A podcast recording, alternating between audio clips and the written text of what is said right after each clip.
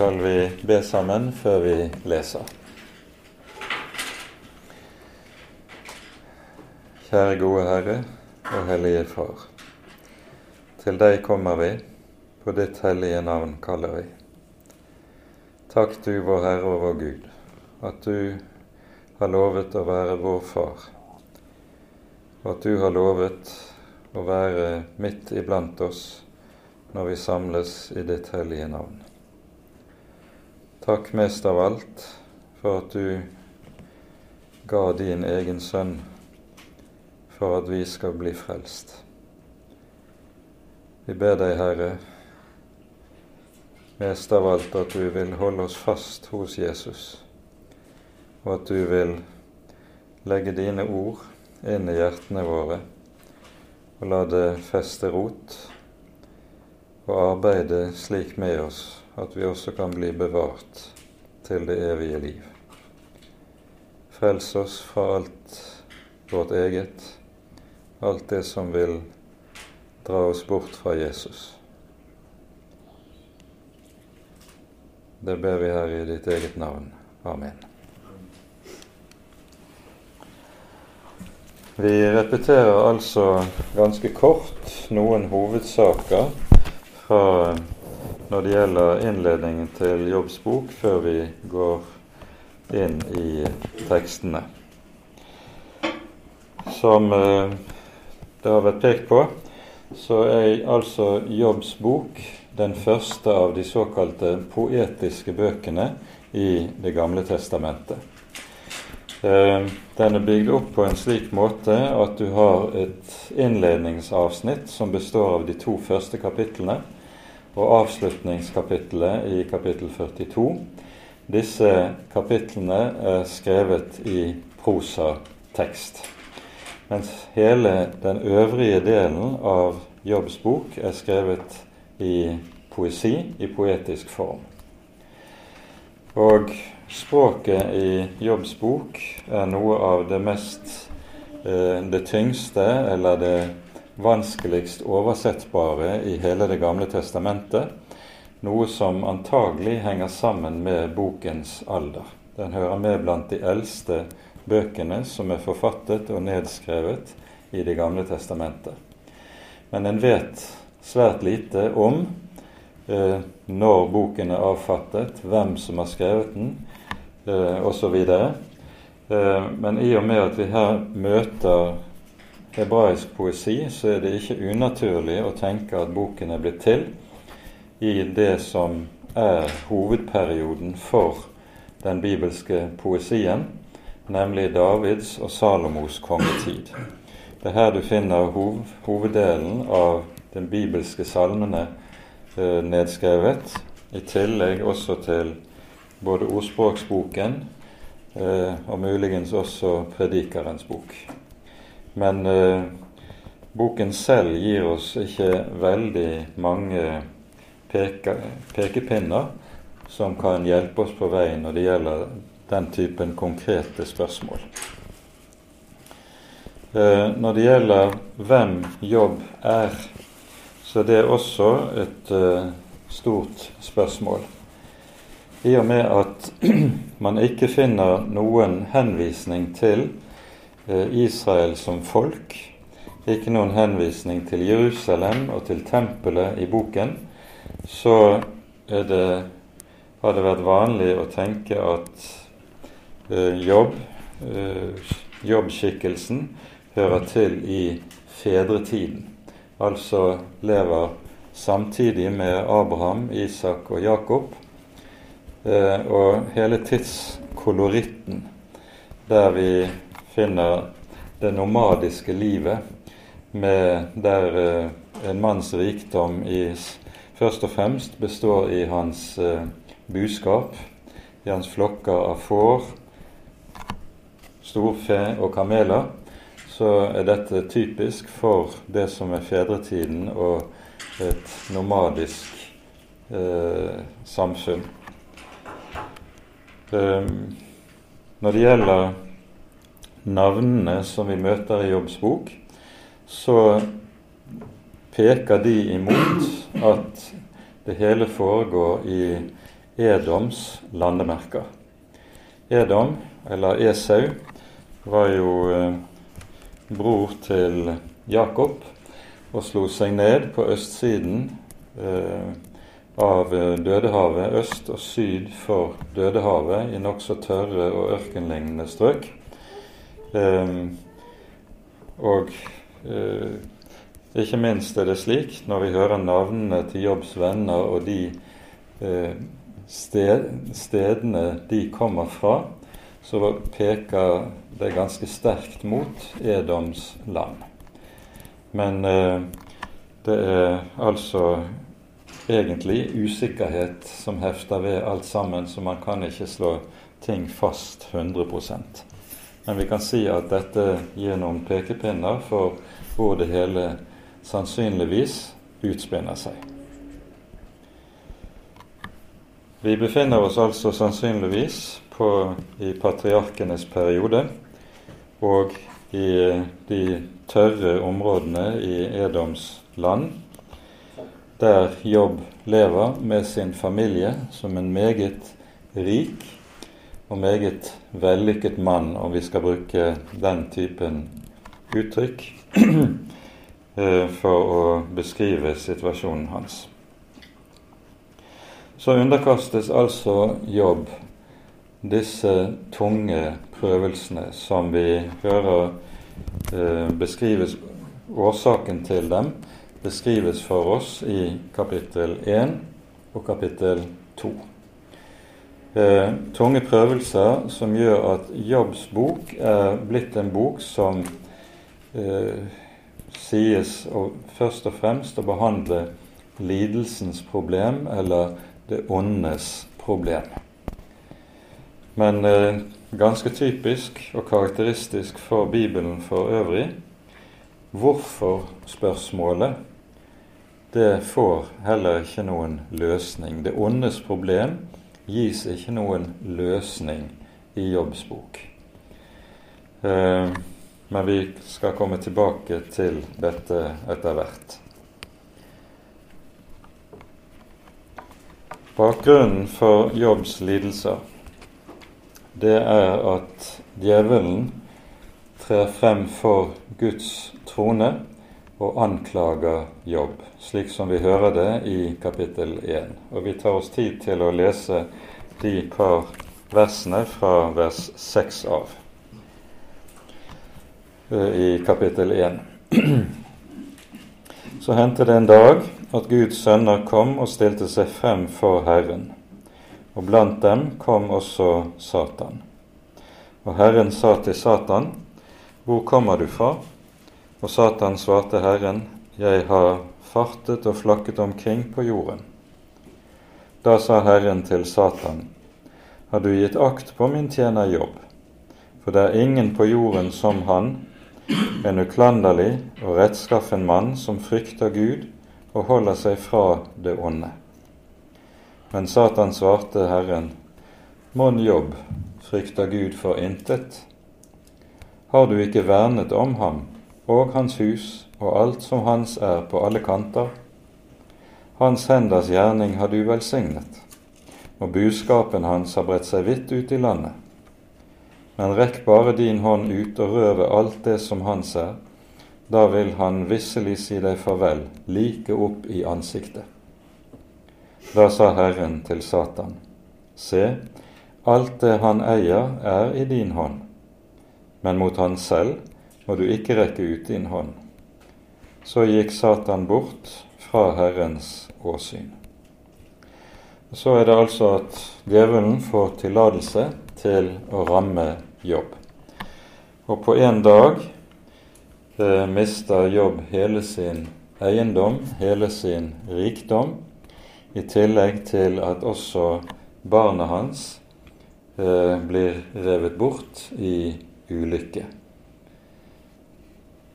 Så han rammes uhyre hardt. Djevelen som vi her hører om, han trer frem for Guds ansikt blant Guds sønner, hører vi.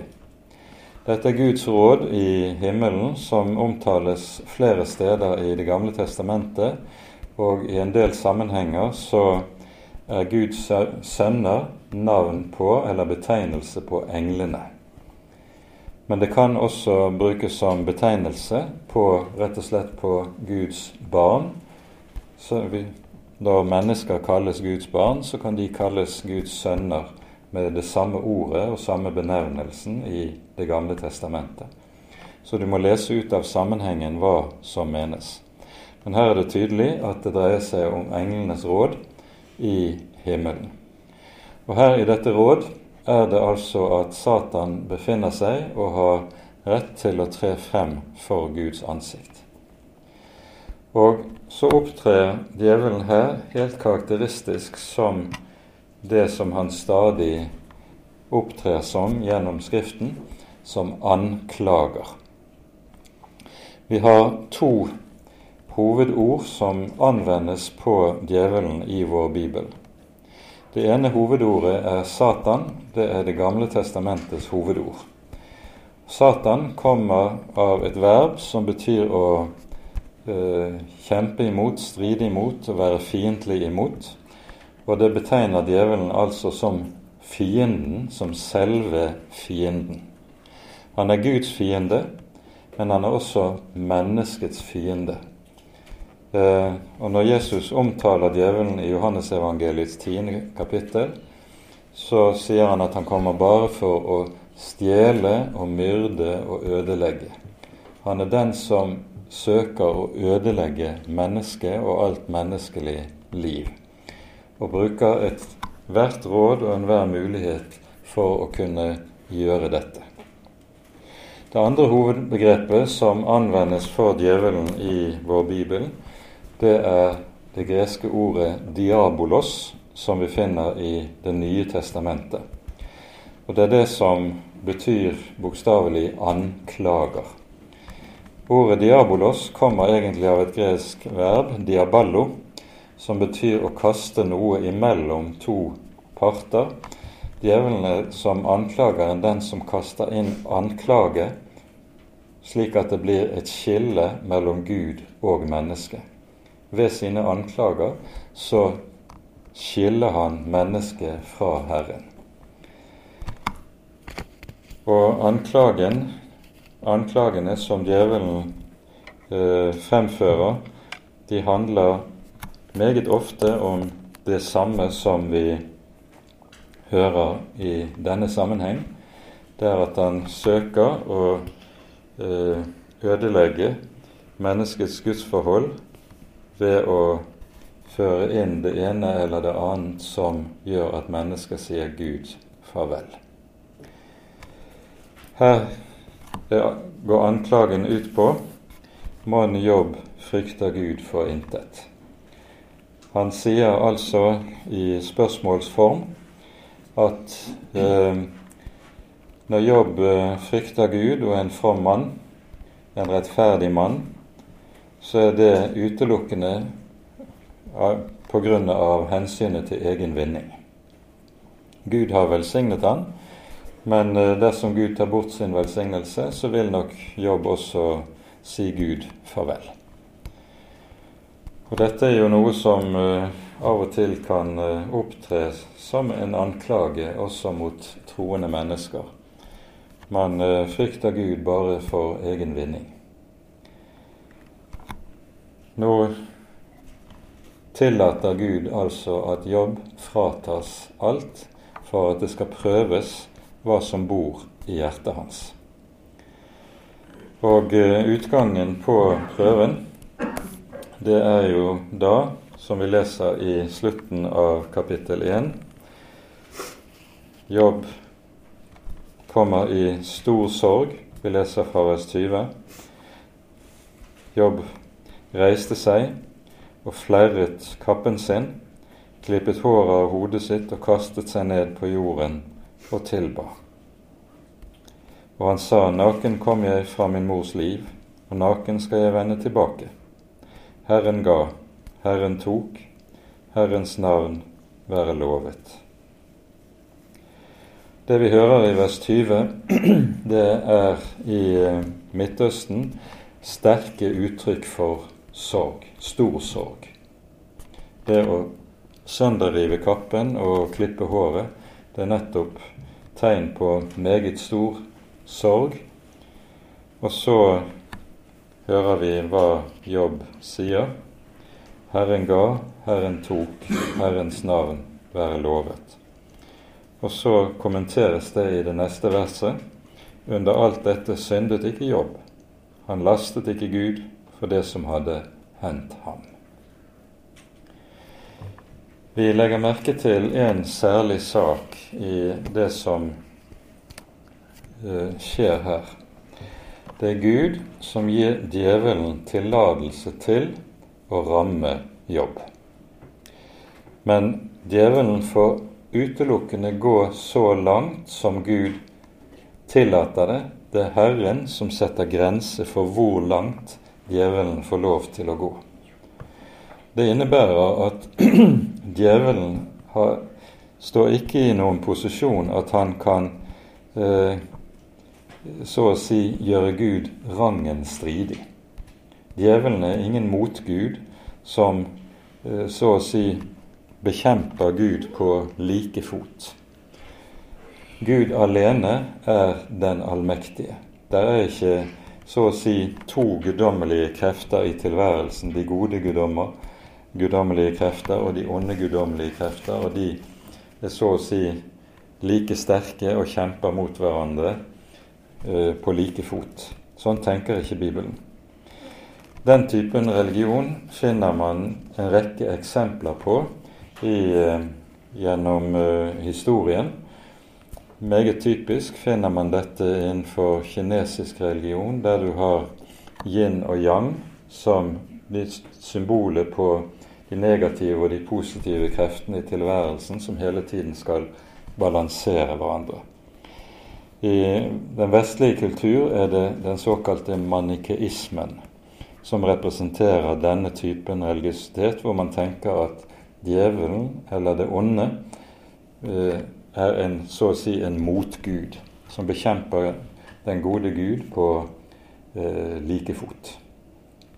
Bibelen tenker ikke sånn. Det er bare én Gud. Han er den allmektige.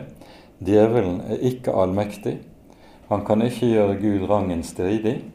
Han er en fallen engel som utelukkende får lov til å gå så langt som Gud tillater det. Det er Gud som setter grenser for ham.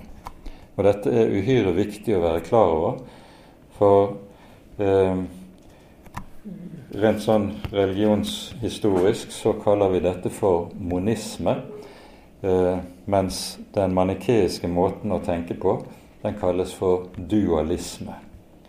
Den eh, er altså noe som avvises i vår bibel. Likevel så er det altså sånn at Herren gir djevelen tillatelse til å ramme jobb. Og djevelen går ut og gjør det. Han slår Jobbs barn så de dør. Han sender fiender som røver hans eiendom, så han blir en fattig mann.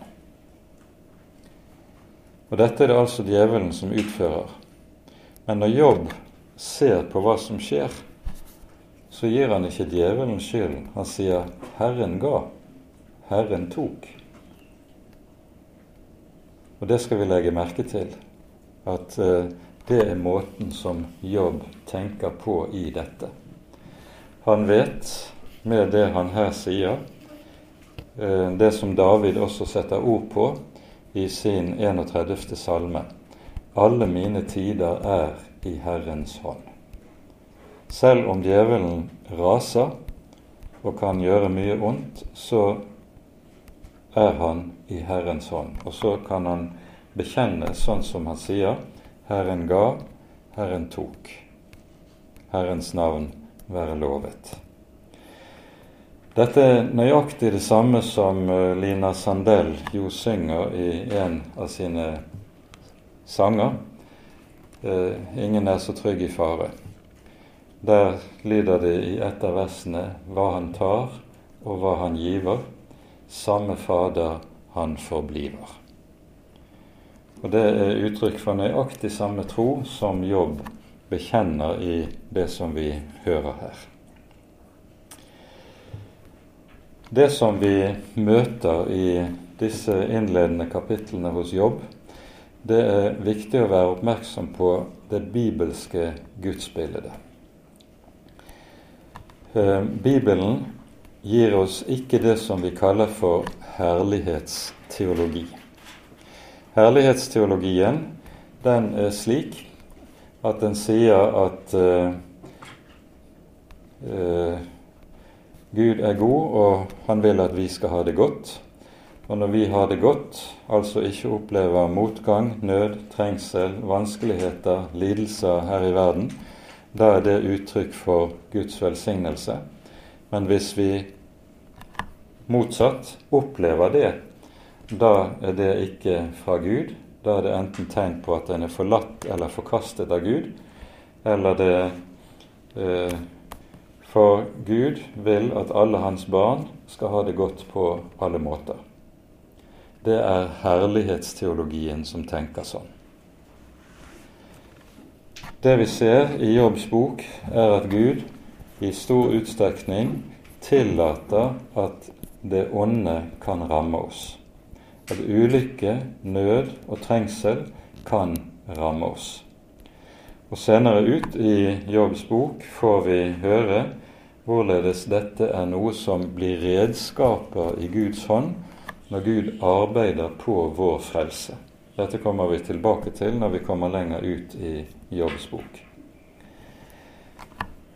For verden er slik etter at mennesket falt i synd, at pga. menneskets ondskap så vil også det vi kaller onder, ulykker, nød, sykdommer og annet som gjør livet tungt og vanskelig for oss, det hører med som en naturlig eller som en integrert del av alt menneskelig liv. Det er knapt noen mennesker som må gå gjennom livet uten på en eller annen måte å oppleve sorg, nød, sykdom, trengsel og lidelse. Det er en del av denne verdens kår. Og Sånn er det på grunn av syndefallet. Og Herren sier på fallets dag til Adam, fordi du gjorde dette, skal jorden være forbannet for din skyld. Og alt dette som vi kaller nød, ulykker, sykdommer osv., det hører med til de forbannelsens krefter som råder i skaperverket på grunn av syndefallet. Og de kommer til å fortsatt bli værende i vår verden frem til der skapes nye himler og en ny jord. Da skal det være slutt på det. Da skal han tørke bort hver tåre fra vårt øye, da skal det ikke lenger være sorg, skrik, smerte, og det skal heller ikke være noen død. Men så lenge denne verden står, er dette en del av alt menneskelig liv. Og fordi det er slik, så sier vår bibel det, slik som vi leser i, hos Jesaja i eh, kapittel 45, et uhyre viktig vers. Jesaja 45. Eh, vers 6 og vers 7. Der står det slik Herren taler gjennom profeten og sier, 'Jeg er Herren, og det er ingen annen'. Det er ingen annen. Det er altså ingen annen Gud. Det er det som er poenget. Jeg er Herren, og det er ingen annen. Det er jeg som er lysets opphav og mørkets skaper, som gir lykken og skaper ulykken. Jeg, Herren, gjør alt dette. Og nettopp det som vi her leste, det er noe av det vi får bekreftet i Jobbs bok. Gud steller altså slik med oss at også hans barn må oppleve nød og lidelse og trengsel. Og mange kristne kan fortelle meget om det. Det har ofte vært sagt slik at nøden og lidelsen og trengselen det er så å si Guds høyskole for et kristent menneske. Da går vi i Guds skole. Men det som er poenget, er at den kristen vet at midt oppi alt dette er jeg i Herrens hånd, og han skal vite og la det onde tjene meg til det gode. Slik som Paulus skriver i Romerbrevet, alle ting tjener dem til gode som elsker Gud. Alle ting. Altså ikke bare det som smaker søtt, men også det som smaker bittert. Vi må smake det bitre i livet, men Herren vil sørge for at det tjener oss til det gode. Akkurat det som vi her er inne på, det formuleres jo veldig ende frem hos profeten Jesaja i kapittel 38, der det står, står i vers 17 det er kong eh, Hiskia som har vært dødssyk. Eh, og så er han blitt helbredet fra sin sykdom. Og så leser vi her i kapittel 38 hans takkebønn etter at han er blitt leget.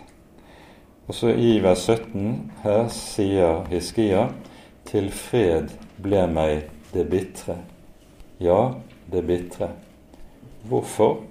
Jo, sier han, for du kastet alle mine synder bak din rygg. Han har fått visshet om at han er blitt en tilgitt synder. Og så har nettopp det bitre han har vært igjennom, ført han frem til denne visshet som har gjort at hjertet får fred. Hjertet har fått funnet ro. Og så kan Hiskia si videre Stille vil jeg vandre alle mitt livs dager. Han skal få lov til å leve i fred for Herrens ansikt. Og vet at både de gode dager og de onde dager så står han i Herrens hånd. Dette hører med som grunnleggende sider ved det som vi står overfor i Jobbs bok. Og det er uhyre avgjørende at vi er oppmerksom på det man i teologien kaller det gudsbildet som vi møter her. Gud er altså en som både kan sende det som smaker meget bittert, og volde oss stor smerte, på samme måte som han også kan sende det som smaker oss meget søtt, og gjør at livet er godt og lett å leve. Begge deler står i Herrens hånd. Så det er viktig å være klar over hvordan Bibelen taler om Gud. For det som vi kan møte i dag, det er ofte en tale om Gud eller et gudsbilde i forkynnelsen som gir et ganske skjevt bilde av hvem Gud er, og hvordan han er, og hvordan han arbeider. I Det nye testamentet er dette formulert i det som vi kaller for hvetekornets lov. Eh, fra Jesu munn i Johannesevangeliets tolvte kapittel, når Jesus sier dersom ikke hvetekornet faller i jorden og dør, blir det bare det ene korn. Men dersom det dør, bærer det megen frukt. Og Når Jesus sier disse ordene, så taler han både om seg selv, sin egen lidelse og død, hans død kommer til å bære den aller rikeste frukt. Men i neste vers så ser vi at han anvender dette også på sine disipler. For akkurat som Jesus bar korset, så må også vi bære korset. Og korset er ikke smertefritt. Vi sier ikke mer om det i denne sammenheng, men dette er altså ganske grunnleggende i vår bibel. I kapittel to går eh, djevelen videre. Eh, og vi tar oss tid til å lese fra kapittel to. Eh, og nå leser vi først de ti første versene. Så hendte det en dag at Guds sønner kom og stilte seg frem for Herren. Blant dem kom også Satan og stilte seg frem for Herren. Og Herren sa til Satan, Hvor kommer du fra? Og Satan svarte Herren, Jeg har fartet og flakket omkring på jorden. Da sa Herren til Satan, Har du gitt akt på min tjenerjobb? For det er ingen på jorden slik som han en uklanderlig og rettskaffen mann som frykter Gud og holder seg fra det onde. Ennå er han like uklanderlig, uten grunn har du egget meg til å ødelegge ham. Men Satan svarte Herren, hud for hud, men alt det en mann har, gir han for sitt liv. Rekk bare din hånd ut og rør ved hans ben og hans kjøtt. Da skal han for visst si deg farvel like opp i ansiktet. Da sa Herren til Satan, Se, han er i din hånd, spar bare livet hans. Så gikk Satan bort fra Herrens åsyn, og han slo Jobb med smertefulle byller fra fotsåle til isse. Jobb tok seg et potteskår og skrapte seg med det, der han satt midt i asken. Da sa hans hustru til ham, Holder du deg like uklanderlig? si Gud farvel og dø. Men han svarte, Du taler som en av de ufornuftige kvinner, skal vi bare ta imot det gode fra Gud, og ikke også det onde? Under alt dette syndet ikke Jobb med sine lepper. Her tillates altså djevelen å gå et meget langt skritt videre i å prøve jobb. Nå rammes han jobb selv. Hva slags sykdom det er han rammes av, det vet vi ikke. Det høres ut som det er en eller annen form for hudlidelse, og det har vært mye spekulasjon. Eh, kirkehistorien om hva slags lidelse det kan være, det vet vi ikke. Men vi vet at det er en del hudlidelser som kan være uhyre smertefulle og uhyre plagsomme for mennesker som kan gjøre livet nesten uutholdelig. Og det er antagelig en lidelse av den typen som nå rammer jobb. Så er det jobb i dette får en tilleggslidelse. Og det er i det som møter ham fra hans egen hustru. I vigselsritualet som eh, vi har i Kirken, så taler vi om at det som mann og hustru skal gjøre i ekteskapet, det er at de skal hjelpe hverandre frem mot det evige liv. Det som Jobbs hustru opptrer som her, det er det stikk motsatte. Hun opptrer som en som blir en hindring for sin mann på veien mot det evige liv. Calvin sier i utleggelsen av denne teksten at når eh, Jobbs familie rammes, slik som vi hører det i eh, kapittel 1, så sørger djevelen for meget bevisst å spare hans hustru, for på den måten å legge ytterligere stein til Jobbs byrde. Og eh, en av kirkefedrene sier det sånn at her blir Jobbs hustru djevelens talerør, eller djevelens tjener. Hun eh, i stedet for å støtte og hjelpe sin mann og bære bødene sammen med ham, så blir hun en som gjør det enda tyngre for ham. Når Jobb svarer henne, så sier han, du taler som en av de ufornuftige kvinner. Eh, dette er faktisk en formildende oversettelse.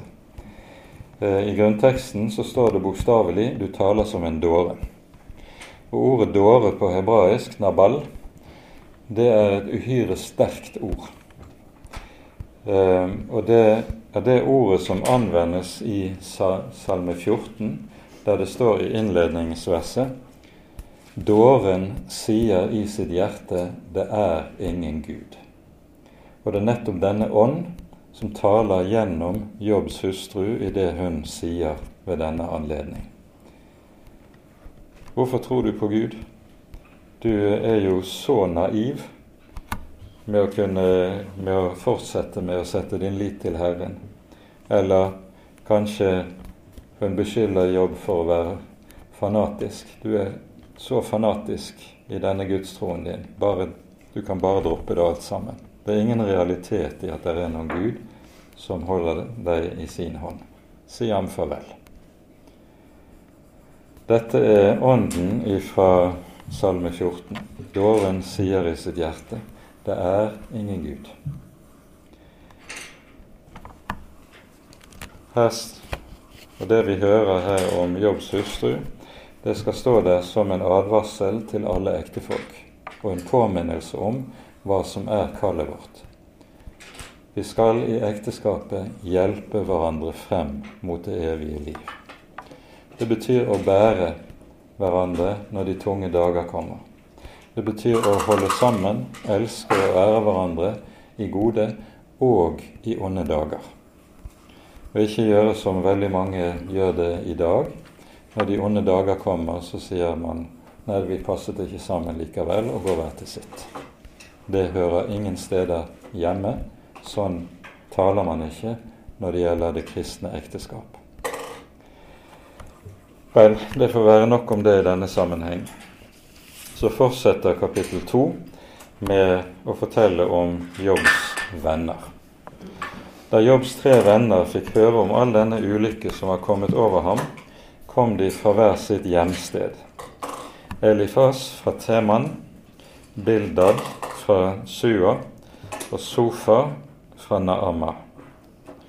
De ble enige med hverandre om å gå til ham for å vise ham medynk og trøste ham. Mens de var et stykke på avstand, så de opp, men de kjente ham ikke igjen. Da brast de i gråt og flerret ytterkappene sine og kastet støv opp imot himmelen så det falt ned over hodet på dem. Så satt de der hos ham på jorden i syv dager og syv netter. Ingen sa ett ord til ham, for de så at hans pine var meget stor. De kommer altså for å vise medynk, medlidelse, sympati Sympat, ordet sympati det kommer jo fra gresk sympathein. Å lide sammen med betyr det bokstavelig.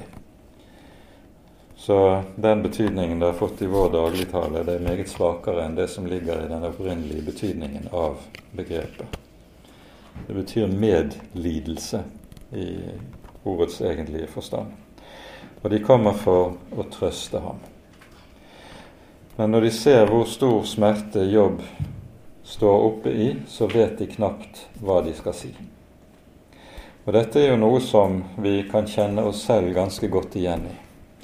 Når mennesker, våre nærme venner og kjente, opplever stor lidelse og stor nød, så føler vi oss ofte uhyre fattige på ord. Vi vet ikke hva vi skal si. Og så sier man av og til ganske dumme ting som i stedet for som det som kan, ofte kan være klokt. Rett og slett bare å være der. Å være sammen med den som har det vondt, slik som disse jobbsvenner er. Og jeg tror det de gjør det, denne første tiden, er noe av det vi kan kalle for klok sjelesorg innledningsvis. Nå viser det seg etter hvert at når de åpner munnen og skal forsøke å trøste ham, så blir det ganske annerledes. Det de sier, blir alt annet enn trøst. Det blir det stikk motsatte. Slik at når vi kommer til det 16. kapittel, så sier Jobb om disse tre vennene sine at hans trøstere er blitt hans plageånder. Så gale kan det altså gå. Vi skal se hvorfor det går slik etter hvert, men det er altså det som blir utviklingen i det. Det som nå kommer videre i det tredje kapittel, det er at vi med dette så å si møter et kapittel som utgjør broen over til det som er bokens hoveddel. Det tredje kapittel møter vi Jobbs klage. Og her er det en stor og dyp fortvilelse som får luft på Jobbs lepper. Og vi tar oss tid og leser det tredje kapittelet i sammenheng.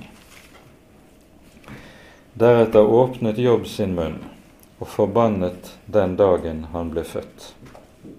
Legg merke til det sies ikke at han forbanner Herren. Han sier ikke Herren farvel, slik som hans hustru ville ha ham til, men han forbanner den dagen han var født. han tar til orde og sier, La den gå til grunne den dagen da jeg ble født, den natten som sa, et guttebarn er unnfanget. Måtte den dagen bli til mørke. Måtte Gud i det høye ikke spørre etter den, og intet lys stråle over den. Mørke og dødsskygge må kreve den tilbake. Skyer må leire seg over den. Alt det som gjør en dag mørk, må skremme den. Den dagen måtte mulm ta den. La den ikke bli regnet med blant årets dager og ikke komme med i månedenes tall. Ja, la den natten bli ufruktbar. Måtte aldri noe gledesrop lyde i den. La dem som forbanner dagen, forbanne den, de som er kyndige i å mane frem Leviatan. La den stjerner bli til mørke i demringen. La den vente på lys som ikke kommer. La den aldri få se morgenrødens øyelokk. For den stengte ikke døren til min mors liv, den skjulte ikke plage for mine øyne. Hvorfor døde jeg ikke i mors liv? Hvorfor utåndet jeg ikke straks jeg var født? Hvorfor tok knær imot meg, og hvorfor var det bryster som jeg kunne die? Nå kunne jeg ha ligget stille og hvilt. Jeg kunne ha fått sove og ha fått ro. I disse 13 versene så hører vi Jobb ønsker seg at han aldri var født, at han ikke hadde fått livets gave, ja, at han er død. At han var å finne blant de døde. Så han forbanner dagen han er født. Ehm, ønsker at den så å si skal strykes fra kalenderen så den ikke lenger finnes.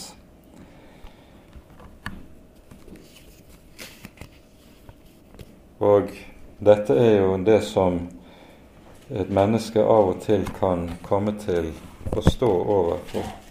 At livet blir så tungt at det er døden man ønsker seg.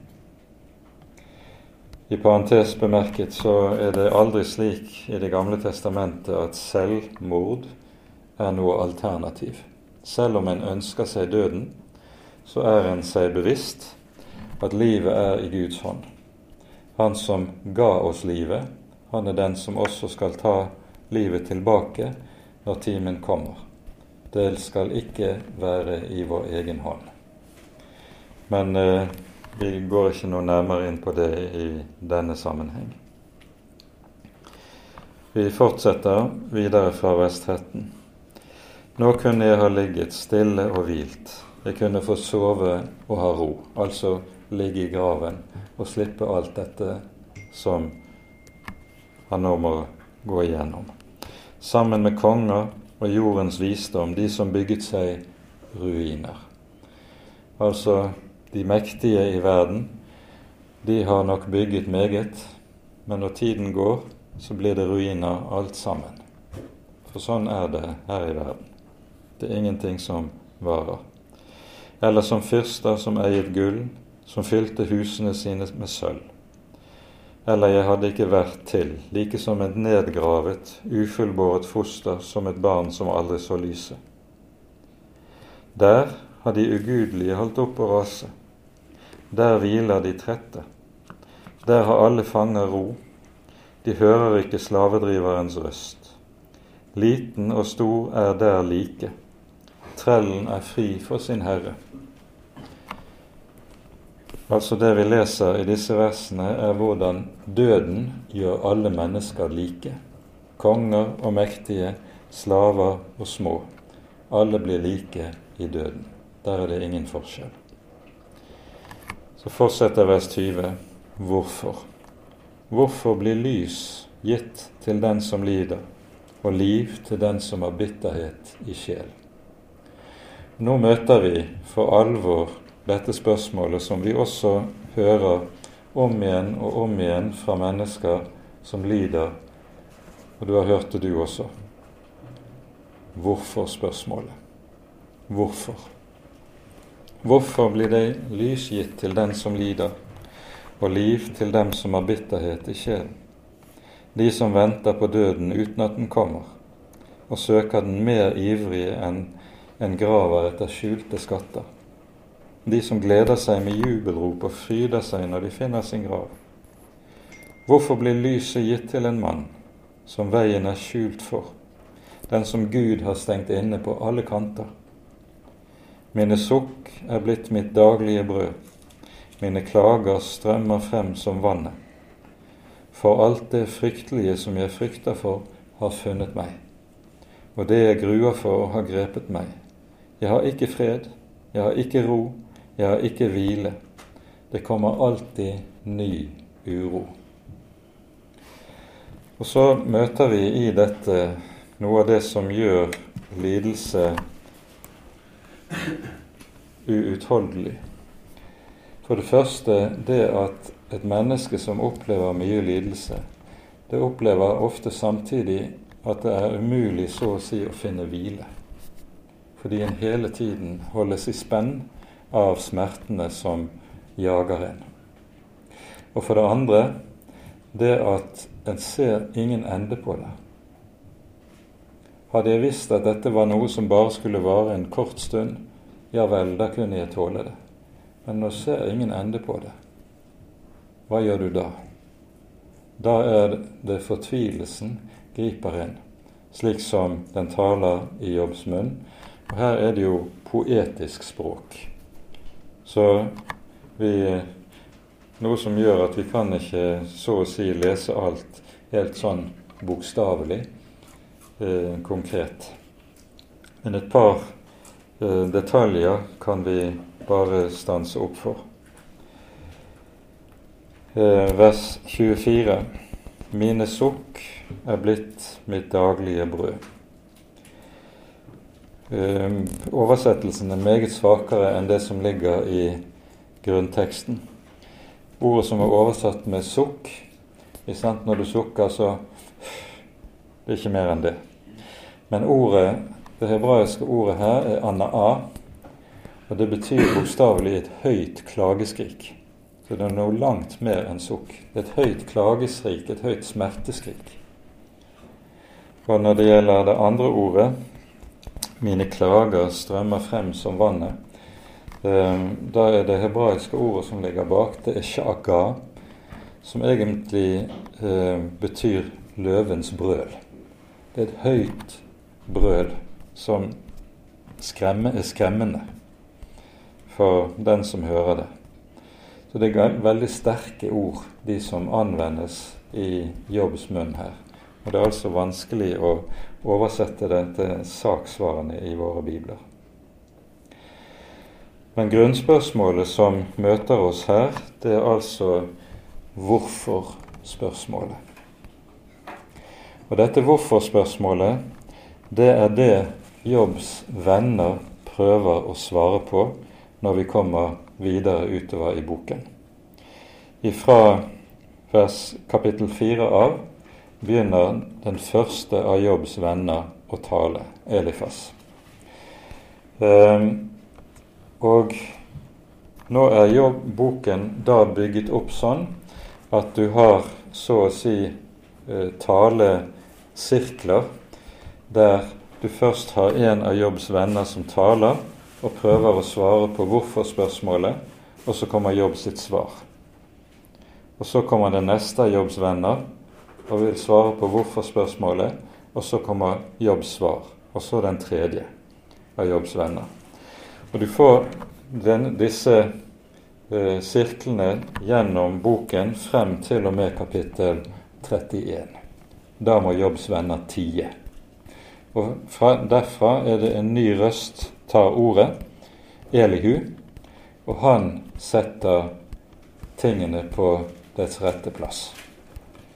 Så fra kapittel 32 eh, til 37 hører vi Elihu tale, eller til kapittel 36 er det vel.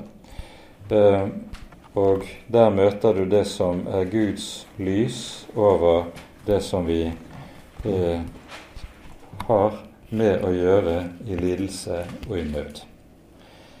Vi kommer altså dit etter hvert. Til sist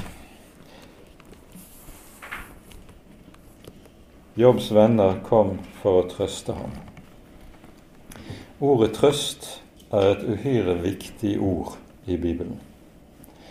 Trøsteren er et navn på Herren. Gud kalles i vår bibel for all trøsts Gud. I Romerbrevet kapittel 15 møter vi f.eks. det uttrykket, og også i 2. Korinterbrevs kapittel 1. Og trøst har det med seg at der trøsten fra Herren får lov til å gjøre seg gjeldende i et menneskes liv og et menneskes hjerte, der har det så å si en skapermakt i hjertet. Ehm, et eksempel på dette har vi i ehm, Kolossabrevet i det andre kapittel, og vi skal slutte med det i dag. Her hører vi Kolossene 2 om hvorledes Paulus kjemper en bønnekamp for menigheten i Kolosse og menigheten i Laodikea. Og så hører vi hva bønnekampen går ut på. Vi leser vers 1 og vers 2 i Kolosserbrevets annet kapittel. Jeg vil at dere skal vite hvor stor strid jeg har for dere og for dem i Laodikea og alle de andre som ikke selv har sett mitt ansikt, nemlig at deres hjerter må bli trøstet. Så at de må bli trøstet. Og dette er en trøst som gis ved evangeliet. Og så hører vi hva frukten er der trøsten får lov til å få rom. Så de kan knytte sammen i kjærlighet og nå frem til hele rikdommen av den fullvisse innsikt, til kunnskap om Guds mysterium, som er Kristus. Poenget er at da blir evangeliet ikke bare en rent teoretisk sak, at du har kunnskap om bestemte saksforhold, noe som sitter oppi hodet ditt i intellektet. Trøst har med hjertet å gjøre. Og Der denne trøst får rom, der skaper den altså denne frukt som Paulus taler om her. Den skaper det at vi knyttes sammen i kjærlighet, og at den etter hvert også skaper en åndelig modenhet når det gjelder kjennskapet til Guds mysterium, som er vår Herre Jesus Kristus. Vi slutter med dette i dag, og så går vi, fortsetter vi utover i Jobbs bok neste gang. Ære være Faderen og Sønnen og Den hellige ånd, som var og er og være skal, en sann Gud, høylovet i evighet. Amen.